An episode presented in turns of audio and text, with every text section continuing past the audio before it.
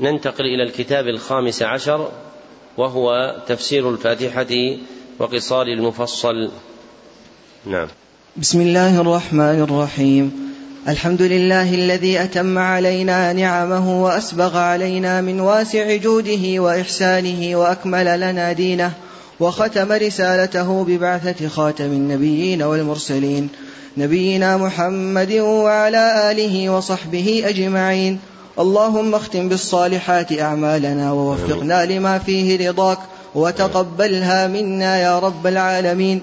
واغفر لنا ولشيخنا ولوالدينا وللمسلمين أجمعين.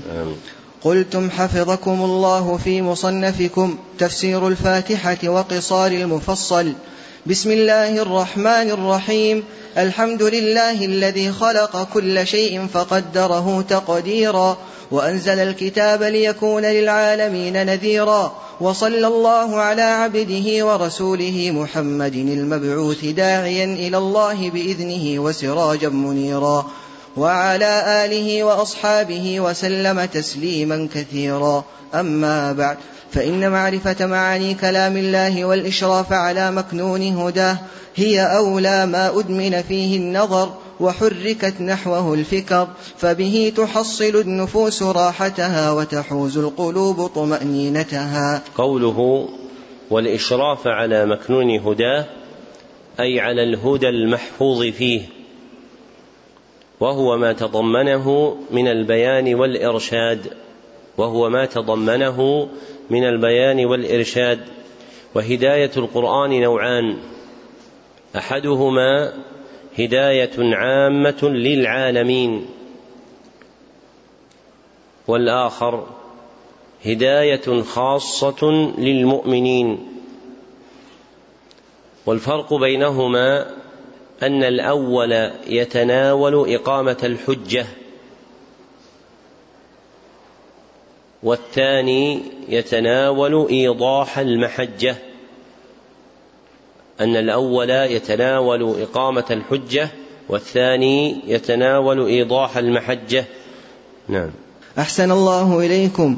قلتم ألا وإن قصار مفصله اللطيف من الضحى إلى آخر المصحف الشريف محل عناية جمهور المسلمين حفظا لقصر آياتها وعذوبة سياقها ولكل فضائل مخصوصة ومقاصد منصوصة فهي حقيقة بالتفهم وجديرة بالتعلم وهذا تفسير مختصر للسور المذكورة يقرب تناوله ويسهل تأمله قيدته راجيا منفعته التامة. وملتمسا بركته العامة مستفتحا بتفسير الفاتحة لما لها من مقام عظيم ومنزل كريم. والله أسأل السلامة من الزلل واتقاء سوء القول والعمل. قوله فهي حقيقة بالتفهم وجديرة بالتعلم. تقدم أن خطاب الشرع نوعان أحدهما الخطاب الشرعي الخبري الخطاب الشرعي الخبري المقتضي للامتثال بالتصديق والثاني الخطاب الشرعي الطلبي المقتضي للامتثال بالفعل والترك. ومرد معرفة جوامع هذين النوعين من الخطاب إلى قسمين من القرآن. أحدهما قصار المفصل وأكثر ما فيها يتعلق بالخطاب الشرعي الخبري. والآخر سورة البقرة وأكثر ما فيها يتعلق بالخطاب الشرعي الطلبي. فاستفتاح معرفة التفسير بتلقي تفسير هذين القسمين يوقف على جوامع البيان للنوعين معا فمن رام التفسير فليجعل اشتغاله اولا بتفسير قصار المفصل ثم يرتقي بعد إلى تفسير سورة البقرة. وإذا أراد تمام المكنة فإنه يتم المفصل أولا ثم ينتقل إلى سورة البقرة. نعم. أحسن الله إليكم قلتم حفظكم الله. تفسير سورة الفاتحة. عن أبي سعيد بن المعلى رضي الله عنه قال كنت أصلي فدعاني النبي صلى الله عليه وسلم فلم اجبه قلت يا رسول الله إني كنت أصلي. قال ألم يقل الله استجيبوا لله وللرسول إذا دعاكم. ثم قال ألا أعلمك أعظم سورة في القرآن قبل أن تخرج من المسجد؟ فأخذ بيدي. فلما أردنا أن نخرج قلت يا رسول الله إنك قلت لأعلمنك أعظم سورة من القرآن. قال الحمد لله رب العالمين. هي السبع المثاني والقرآن العظيم الذي أوتيته رواه البخاري. قوله صلى الله عليه وسلم هي السبع المثاني سميت الفاتحة بذلك لأمرين. أحدهما يتعلق بالمباني أحدهما يتعلق بالمباني فآياتها يتبع بعضها. بعضا ويتلو بعضها بعضا والآخر يتعلق بالمعاني يتعلق بالمعاني لاقتران جملة من المعاني المتناسبة فيها فتثنى فيها المعاني بعضها على بعض كالخبر بالإنشاء في قوله تعالى الحمد لله رب العالمين مع قوله اهدنا الصراط المستقيم وكصفات الجلال لله بصفات الجمال كقوله مالك يوم الدين مع قوله الرحمن الرحيم وقوله القرآن العظيم والقرآن العظيم الذي أوتيته هذه الجملة لها معنيان أحدهما أن القرآن العظيم وصف للفاتحة فهي قرآن عظيم أي مقروء عظيم. ويدل على ذلك كونها أعظم سورة في القرآن. والآخر أن العطف فيها من عطف العام على الخاص أن العطف فيها من عطف العام على الخاص. فيكون إنشاء لجملة جديدة يراد بها القرآن كله. نعم. أحسن الله إليكم.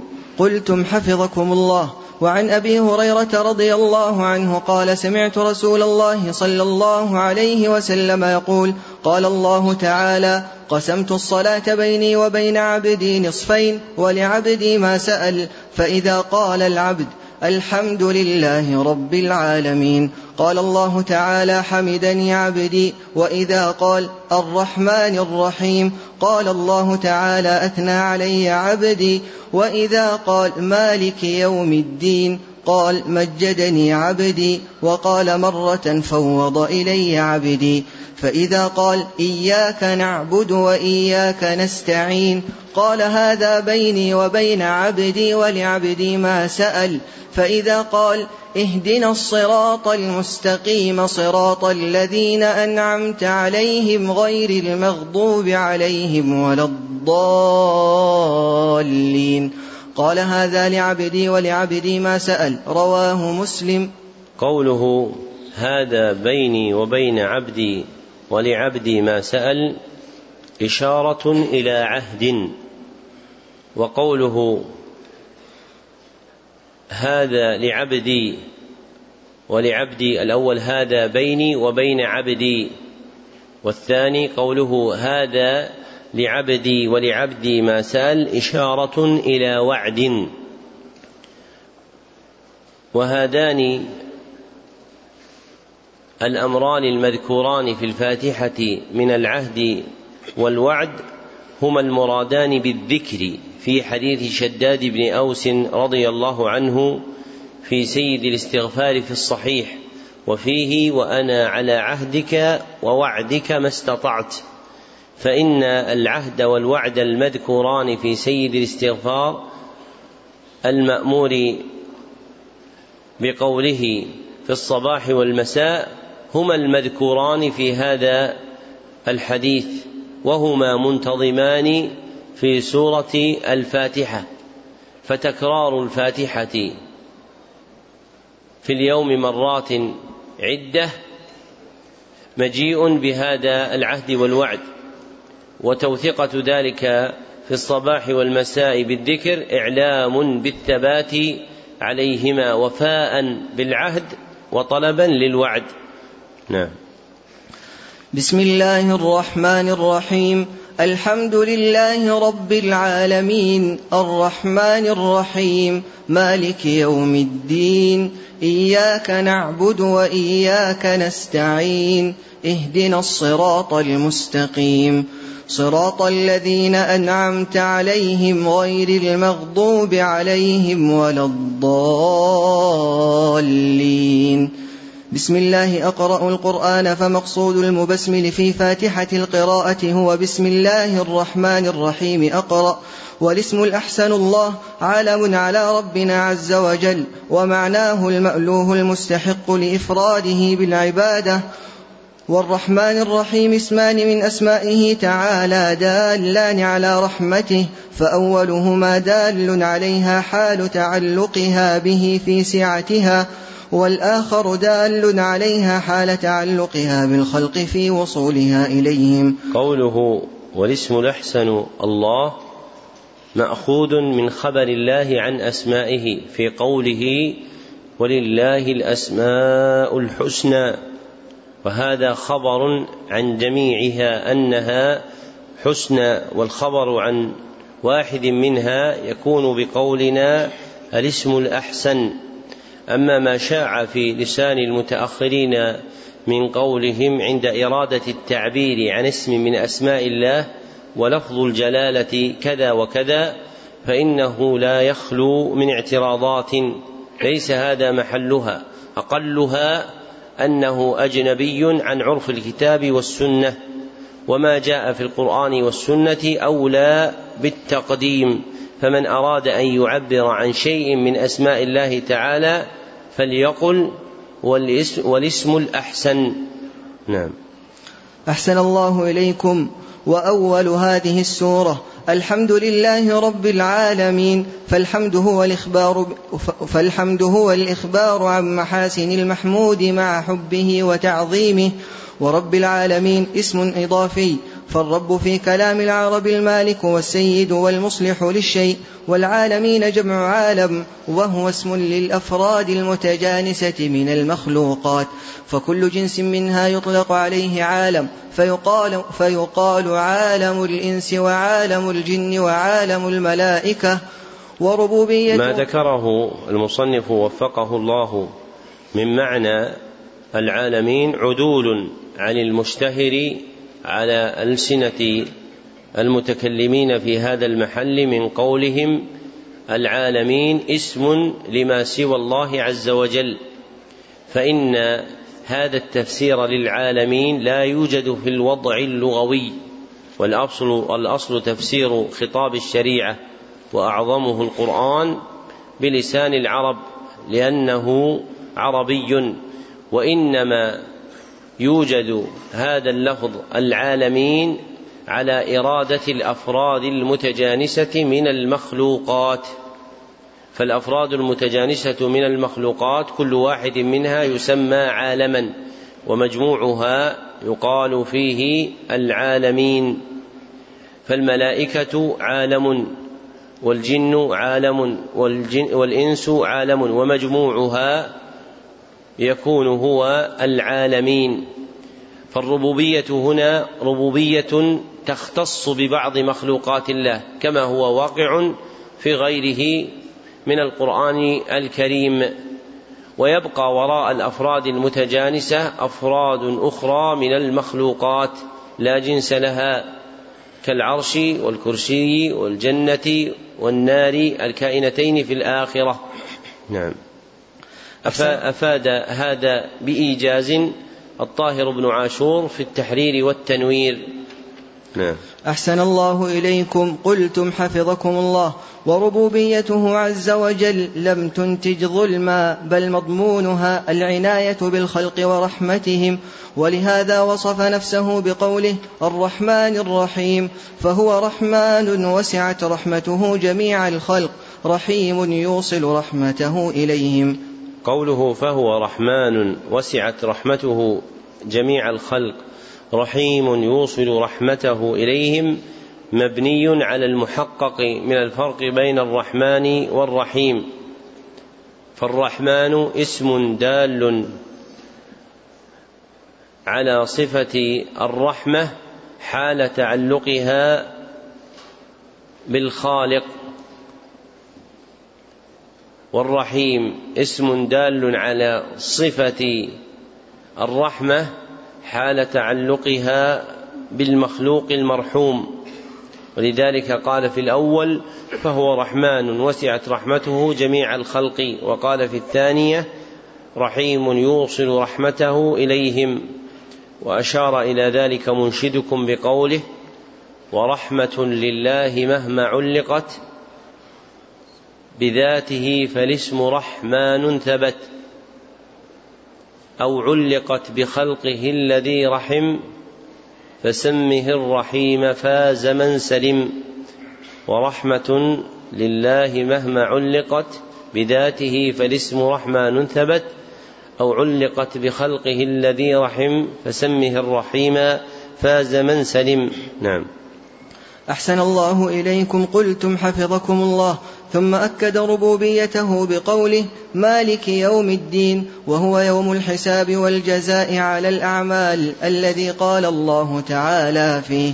وما أدراك ما يوم الدين ثم ما أدراك ما يوم الدين. يوم لا تملك نفس لنفس شيئا. والأمر يومئذ لله. وهو يوم القيامة وخصه بالذكر لأنه يظهر فيه للخلق كمال ملك الله وتمام تمام الظهور لأنه يظهر فيه للخلق كمال ملك الله تمام الظهور لانقطاع أملاك الخلائق وإلا فهو مالك يوم الدين وغيره من الأيام. وقوله إياك نعبد وإياك نستعين أي نخصك وحدك بالعبادة ونستعين بك وحدك في جميع أمورنا. وعبادة الله تأله القلب له بالحب والخضوع والمأمور به فيها امتثال خطاب الشر والاستعانة به هي طلب طلب العبد العون منه في الوصول إلى المقصود. ثم قال اهدنا الصراط المستقيم أي دلنا وأرشدنا إليه وثبتنا عليه حتى نلقاك وهو الإسلام. ما ذكره المصنف من اشتمال معنى الهداية على الدلالة والإرشاد والثبات على الصراط حتى لقياه إعلام بأن الهداية المطلوبة للعبد نوعان. إعلام بأن الهداية المطلوبة للعبد نوعان. أحدهما هداية دلالة وإرشاد إلى الصراط المستقيم. هداية دلالة وإرشاد إلى الصراط المستقيم والآخر هداية ثبات عليه وتمسك به. هداية ثبات عليه وتمسك به. فليس كل من يهدى إلى الصراط يثبت عليه وإنما من وفقه الله عز وجل إلى الهداية الكاملة ثبته الله عز وجل عليه حتى يلقاه. نعم. صراط الذين أنعمت عليهم المتبعين للإسلام الذي جاء به النبي صلى الله عليه وسلم غير صراط المغضوب عليهم الذين عرفوا الحق ولم يعملوا به وهم اليهود. ومن عدل عن الصراط المستقيم من هذه الأمة عن علم ففيه شبه منهم. ولا صراط الضالين الذين تركوا الحق عن جهل فلم يهتدوا وضلوا الطريق وهم النصارى ومن عدل عن الصراط المستقيم من هذه الامه عن جهل ففيه شبه منهم تفسير سوره الضحى عن جندب بن سفيان رضي الله عنه قال اشتكى رسول الله صلى الله عليه وسلم فلم يقم ليلتين أو ثلاثة فجاءت امرأة فقالت يا محمد إني لأرجو أن يكون شيطانك قد تركك لم أره قربك منذ ليلتين أو ثلاثة. فأنزل الله عز وجل والضحى والليل إذا سجى ما ودعك ربك وما قلى. متفق عليه. قوله فلم يقم ليلتين أو ثلاثة أي لم يصب حظه من صلاة الليل فانقطع عن دأبه بالصلاة ليلتين أو ثلاثا طيب كيف مر في الحديث قال فلم يقم ليلتين أو ثلاثا؟ ثم قال لم أره قربك منذ ليلتين أو ثلاثة. كلها متعلقة بوصف الليلة مرة ذكر ومرة أنث واضح الإشكال؟ الجواب أنه إذا حذف المعدود جاز التذكير والتأنيث في العدد. إذا حذف المعدود فلم تذكر هنا ثلاثة مادة فلما حذف جاز أن يذكر وجاز أن يؤنث. نعم. بسم الله الرحمن الرحيم. هذا هذا مثاله المشهور حديث أبي أيوب الأنصاري في صحيح مسلم أن النبي صلى الله عليه وسلم قال من صام رمضان وأتبعه ستا من شوال أصلها ستة أيام. لكن لما حذف المعدود جاز في العدد التذكير والتأنيث. نعم. بسم الله الرحمن الرحيم. والضحى والليل إذا سجى ما ودعك ربك وما قلى. وللآخرة خير لك من الأولى. ولسوف يعطيك ربك فترضى. ألم يجدك يتيما فآوى ووجدك ضالا فهدى. ووجدك عائلا فأغنى فأما اليتيم فلا تقهر وأما السائل فلا تنهر وأما بنعمة ربك فحدث. أقسم الله تعالى بالضحى وهو اسم ضوء الشمس إذا أشرق وارتفع والمراد به هنا النهار كله. كلمة الضحى تتصرف في القرآن على نوعين. أحدهما عام يراد به النهار كله وذلك إذا ذكر مقابلا لليل كقوله تعالى وأغطش ليلها وأخرج ضحاها. فالضحى هنا هو النهار كله والآخر خاص يراد به أول النهار. وذلك إذا لم يقابل بذكر الليل كقوله تعالى كأنهم يوم يرونها لم يلبثوا إلا عشية أو ضحاها. فالمراد بالضحى هنا إيش؟ أول النهار. طيب كيف يكون أول النهار وهو قال أو ضحاها؟ الضمير يرجع إلى ماذا؟ العشية. كيف الضحى ينسب إلى العشية؟ واضح السؤال؟ أو ضحاها يعني ضحى العشية. نسب إليهما إليها لما بينهما من الملابسة. لما بينهما من الملابسة. فإنهما يتقاربان في وقتهما فينسب أحدهما إلى الآخر. نعم.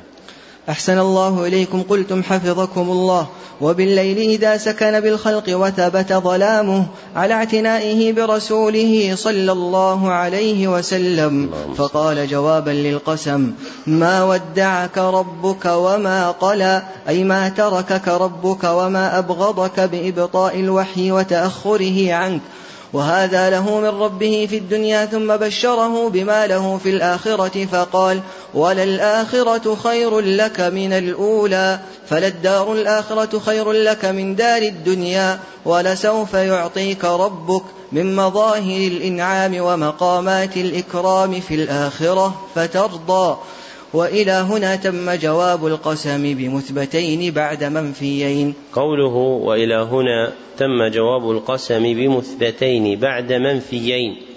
أما المنفيان فأولهما في قوله تعالى ما ودعك ربك أي ما تركك والثاني في قوله وما قلى أي وما أبغضك وأما المثبتان فالأول في قوله وللآخرة خير لك من الأولى والثاني في قوله ولسوف يعطيك ربك فترضى.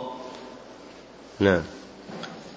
أحسن الله إليكم. قلتم حفظكم الله. ثم شرع يذكره بما امتن عليه في الدنيا فقال ألم يجدك استفهام تقرير؟ أي وجدك يتيما؟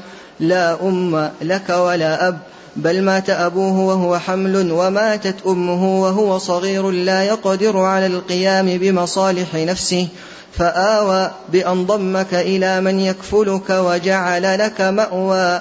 وجعل لك مأوى تأوي إليه فكفله جده عبد المطلب ثم لما مات كفله عمه أبا طالب حتى أيده بنصره وبالمؤمنين. قوله فكفله جده عبد المطلب ثم لما مات كفله عمه أبا طالب جيء بهذه الكلمة على هذا الوجه من تضعيف الفعل لإشهاد القلب امتنان الله عز وجل على نبيه صلى الله عليه وسلم فإن المنة على النبي صلى الله عليه وسلم في كفالة جده عبد المطلب وعمه أبي طالب هي لله سبحانه وتعالى ابتداء إذ صير الله عز وجل في قلوبهما من الرحمة ما حملهما على الحنو والعطف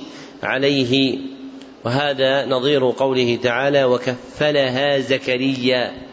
فالمنة في كفالة زكريا مريم لله عز وجل فهو الذي رغبه فيها وجعل قلبه مشتملا على رحمتها. وقوله في القراءة الأخرى وكفلها زكريا إخبار عن وقوع الحفظ. وقراءة التشديد فيها معنى زائد وما يجيء من القراءات بزيادة في الحركة أو المبنى فالأصل فيه الزيادة في المعنى كالذي ذكرنا فإنه يفيد زيادة في التضعيف لا توجد في مجرد إخلاء الفعل من التضعيف. ولذلك شرف علم القراءات لأنه يوصل إلى فهم كلام الله عز وجل. وأما من يكون منتهى نظرهم في القراءات هو الصوتيات فهؤلاء لم يفوزوا بالحظ الأعلى من القراءات. فالحظ الأعلى من القراءات ما ينتظم فيها من الإشارة إلى أحكام قد تخفى لعدم وجودها في القراءة العامة التي يذكرها الناس. قراءة العامة يعني القراءة. المشهورة يعني في بلد إما حفص أو ورش أو غيرهما. نعم.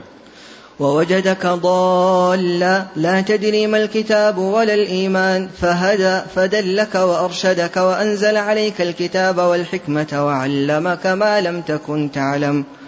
هذه الآية وهي قوله تعالى ووجدك ضالا فهدى فسرتها آيتان بمقتضى ما ذكره مصنف الكتاب. فمعنى قوله ووجدك ضالا أي لا تدري ما يراد بك. وتفسيرها في قوله تعالى ما كنت تدري ما الكتاب ولا الإيمان وأما قوله فهدى ففسرها قوله تعالى وأنزل عليك الكتاب والحكمة وعلمك ما لم تكن تعلم وتفسير القرآن بالمعاني المدلول عليها في آياته أولى من تفسيره بغيرها ولزوم التعبير بها أبرأ في الذمة وأصون للديانة من التجرؤ على إحداث معان يراد بها إحداث ألفاظ يراد بها التعبير عن معاني صحيحة.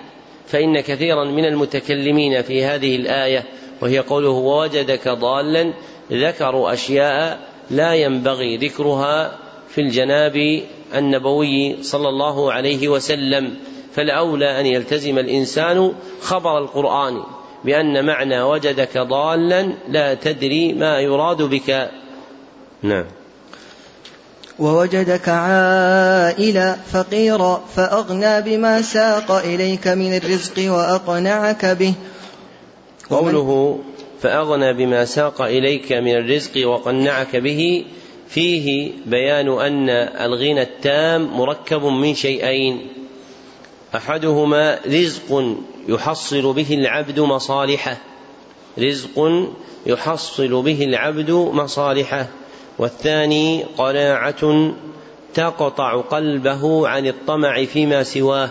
قناعة تقطع قلبه عن الطمع فيما سواه فالعبد إذا رزق ما فيه مصلحته ولم تتهيأ له القناعة لم يكن غنيا على الحقيقة وذلك مفقود من أكثر الناس ولعظمه صير في الشرع هو حقيقة الغنى. ففي الصحيح أن النبي صلى الله عليه وسلم قال الغنى غنى النفس. يعني قناعتها بما يصل إليها من رزق الله. وقد صارت قلوب أكثر الخلق خالية من القناعة. فتجد أن عظم مطالبهم هو الزيادة من حظوظ الدنيا. وهذا أمر ليس أجنبيا عن طلاب العلم والمتشرعة بل صار أكثر من ينتصر منهم للناس ينتصر لهم في حظ الدنيا. لا في حظ الدين فلا تجده رافعا صوته ولا محوقلا بلسانه ولا محمر الوجه في هداية الناس إلى ما يلزمهم من الخلق من الدين. بل تجد أنه يصنع هذا وأكثر لأجل الخبز والماء وهذا من الجهل. فالمقدم أصلا طلب هداية الناس في الدين والواجب على المنتصب لدلالة الناس إلى الخير من الداعين إلى الله عز وجل أن يكون عظم مرادهم هو توجيه الخلق إلى ما فيه صلاح دينهم. وأما ما يفوتهم من حظوظ الدنيا لغلبة سلطان جائر أو نحو ذلك فيكون مطالبا به على منزلة أقل من الأولى. أما عكس ذلك بتصير الأول أصلا يشاع عليه يشاع ويدار فإنما هو من التكالب على الدنيا وهو من التنافس على ما يحرز منها من سلطانها وأموالها. والصادق حقا هو الذي تكون مطالبته للناس في الدين كمطالبته في الدنيا أو أعلى. لأن صلاح الناس وسعادتهم وطمأنينتهم وانتفاء الظلم عنهم وصلاح أمورهم لا يكون إلا بصلاح دينهم. ولو أنهم أوتوا أموالا طائلة مع خلو قلوبهم من الدين فإنه تتجدد لهم من أنواع النكد والغصة ما لم يكن موجودا أولا فيحتاجون إلى ما يدفعون به هذه الظواهر التي نشأت من إغفال العناية بالدين. فلا بد أن تملأ قلوب الخلق بالقناعة بما وصل إليهم من الرزق وأن الله سبحانه وتعالى بما يوصل إلى الخلق من الرزق قد كفل لهم صلاحه به. فمن الناس من يصلحه الغنى ومن الناس من يصلحه الفقر ومن الناس من يصلحه التوسط. ومن يروم مجتمعا أو جماعة يكون الناس فيها قاطبة أغنياء فهذا منازع قدر الله. فإن الله عز وجل قال نحن قسمنا بينهم معيشتهم في الحياة الدنيا فهم درجات فيها. نعم. أحسن الله إليكم. قلتم حفظكم الله. ومن آواك وهداك وأغناك فحقه مقابلة نعمته بالشكر ومنه ما ذكره الله عز وجل في قوله فأما اليتيم فلا تقهر أي لا تغلبه مسيئا معاملته وأما السائل عن دين أو دنيا فلا تنهر أي تزجر بل اقض حاجته أو رده برفق. وأما بنعمة ربك فحدث مخبرا عنها فإن التحدث بنعمة الله داع لشكرها وسبب في محبة القلوب لمن أسداها. فإن القلوب مجبولة على محبة المحسن إليها. تفسير سورة الشرح. بسم الله الرحمن الرحيم. ألم نشرح لك صدرك ووضعنا عنك وزرك الذي أنقض ظهرك ورفعنا لك ذكرك فإن مع العسر يسرا إن مع العسر يسرا فإذا فرغت فانصب وإلى ربك فارغب. يقول الله تعالى ممتنا على رسوله صلى الله عليه وسلم ألم نشرح لك صدرك؟ استفهام تقرير أي شرحنا صدرك للإسلام وهو ناشئ عن شرح صدره الحسي الذي وقع مرتين أولاهما في صغره لما كان مسترضعا في بني سعد والثانية ليلة أسري به في مكة بين يدي الإسراء رواهما مسلم ووافقه البخاري في الثانية. ذكر المصنف في بيان هذه الآية أن الشرح الواقع للنبي صلى الله عليه وسلم في صدره نوعان. فالأول شرح جسماني إذ شق صدره الشريف صلى الله عليه وسلم مرتين. أولاهما في صغره لما كان مسترضعا في بني سعد. والأخرى في كهولته ليلة أسري به من مكة إلى بيت المقدس بين يدي المعراج. والثاني شرح روحاني. إذ حشي قلبه صلى الله عليه وسلم بالمعارف الإيمانية والكمالات الدينية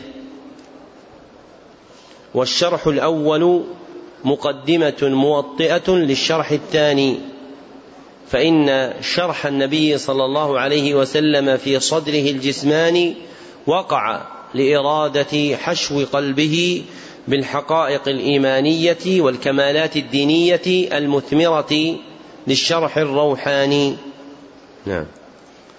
ووضعنا أي حططنا عنك وزرك وهو الذنب الذي أنقض أي أثقل ظهرك ورفعنا لك ذكرك فأعلينا قدرك وجعلنا لك الثناء الحسن بما أشاع الله من محاسن ذكره بين الناس وبما نزل من القرآن ثناء عليه وكرامة له وبإلهام الناس التحدث بما جبله الله عليه من المحامد في أول نشأته ومن أعظم ذلك أن الله قرن ذكره بذكره في الشهادتين وله في قلوب أمته من المحبة والتعظيم بعد الله تعالى ما ليس لأحد سواه. وقوله فإن مع العسر يسرا. وقوله فإن مع العسر وهو الشدة يسرا أي سهولة. والفاء فيه فصيحة تفصح عن كلام مقدر يدل عليه الاستفهام التقريري هنا.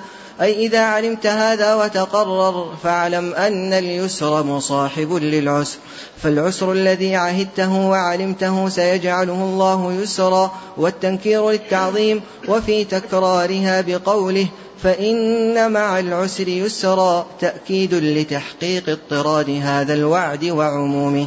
هذا الذي ذكره المصنف وفقه الله مبين أن العسر المراد في الآية الأولى هو العسر المراد في الآية الثانية وأن اليسر المراد في الآية الأولى هو اليسر المراد في الآية الثانية. فالعسر فيهما هو العسر المعهود الذي عرفه النبي صلى الله عليه وسلم مما لحقه من المشقة والبلاء والعنة في دعوة الخلق.